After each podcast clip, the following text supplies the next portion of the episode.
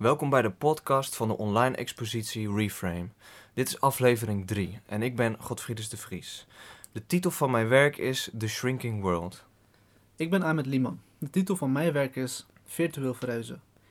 In mijn werk neem ik kijk in de cryptohuizenmarkt van een toekomstige virtuele wereld.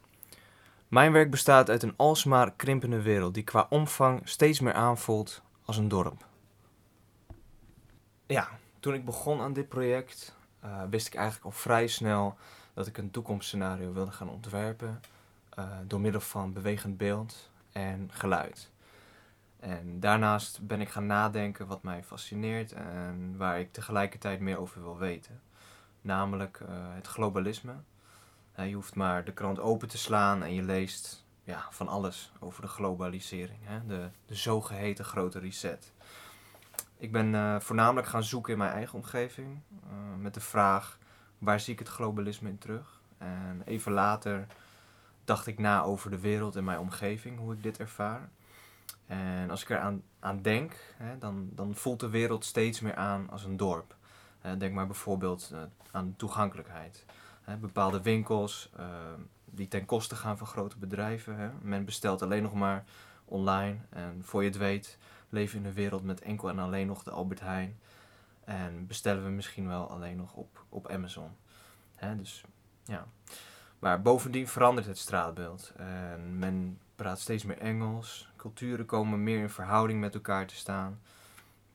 Uh, de snel groeiende wereld. En ja, kortom, de, de wereld krimpt. Dus ja, dat is eigenlijk de, de hoofdgedachte. En uh, ja, Ahmed, hoe, uh, hoe ben jij van start gegaan?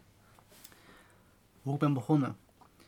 Nou ja, wat mij heel erg bezig hield toen het project begon, was dat ik op zoek was naar een stage in Istanbul. Um, maar het, werd eigenlijk al snel duidelijk dat het niet meer door zou kunnen gaan. Vanwege de maatregelen en vanwege de lockdown die daarna ook nog kwam. Uh, maar dit inspireerde mij wel om een uh, project hierover te gaan houden. Dus eigenlijk net als jij was ik ook op zoek naar een soort toekomstscenario. En in mijn geval was het dus een toekomst waarin verhuizen onmogelijk is of bijna onmogelijk is. Uh, dat kan zijn door een lockdown, zoals waarin we nu zitten, of door gewoon te dure huizenprijzen. En ik ging dus nadenken over verschillende oplossingen hiervoor en hoe ik deze zou kunnen visualiseren. En ik koos al snel voor een oplossing waar virtual reality wordt gebruikt.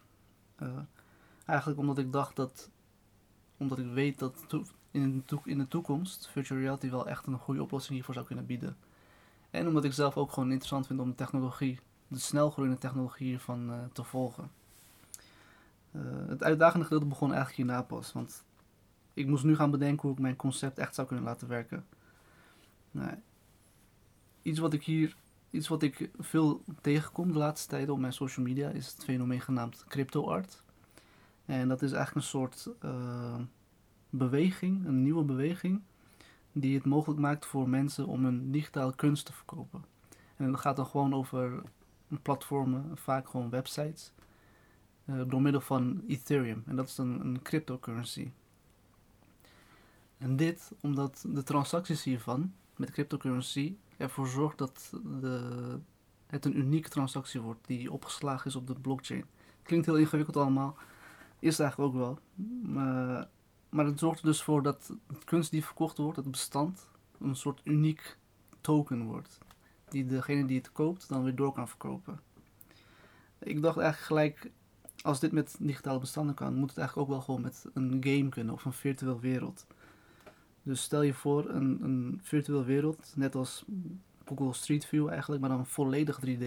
Waarin je gewoon rond kan lopen over de hele wereld en huizen kan kopen, stuk gronden kan kopen, kan inrichten. Dus een soort van een hele tweede nieuwe leven. En dan volledig digitaal. Vanuit je eigen huis, of woonkamer, wat dan ook.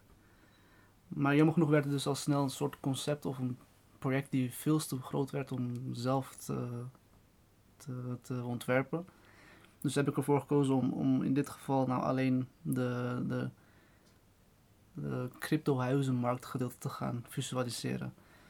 En om het nog specifieker te maken ben ik eigenlijk uh, heb ik een soort van huizenmarkt gevisualiseerd van een buurt in Istanbul, genaamd Üsküdar.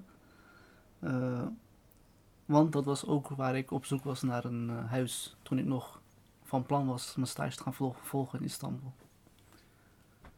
Ja, mijn werk is eigenlijk ja, ook in principe pas een deel van het project dat, dat veel groter kan gaan worden. En waar ik zeker ook in de toekomst nog mee bezig wil zijn.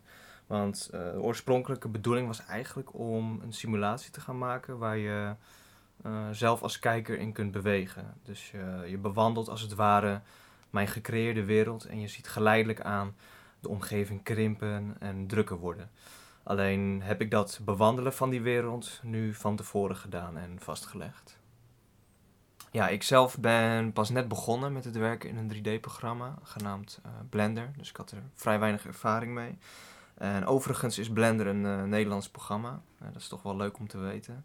Maar in ieder geval, ik wilde daar in een, in een korte tijd zoveel mogelijk over leren. En tegelijkertijd mijn verhaal vertellen en visualiseren. Dus het grootste deel van mijn proces is toch wel eh, geweest het beoefenen van een nieuw programma. En ja, ik moet er toch wel bij zeggen dat jij, Ahmed, hè, mij toch wel hebt gemotiveerd om meer met 3D bezig te zijn. Oh, dat is wel echt tof om te horen. Ja, als ik zo naar jouw project kijk, dan denk ik ook wel echt dat jij in heel korte tijd wel echt heel veel hebt kunnen leren. Je bent echt... eh, Ik denk sowieso dat een 3D als medium voor ons, beide ons projecten wel echt een goede keuze is geweest om eh, ons verhaal en visie te nou ja, visualiseren eigenlijk. Ja, ons verhaal te kunnen vertellen door middel Mhm. van 3D. Dat is, Ja. eh, dat is een heel mooi gegeven, inderdaad. De volgende duo zijn Lisette en Isa. Lisette gaat het hebben over bewustwording van telefoongebruik. En Isa haar werk gaat over faalkracht. Ze laat zien dat mislukken een eigen schoonheid heeft.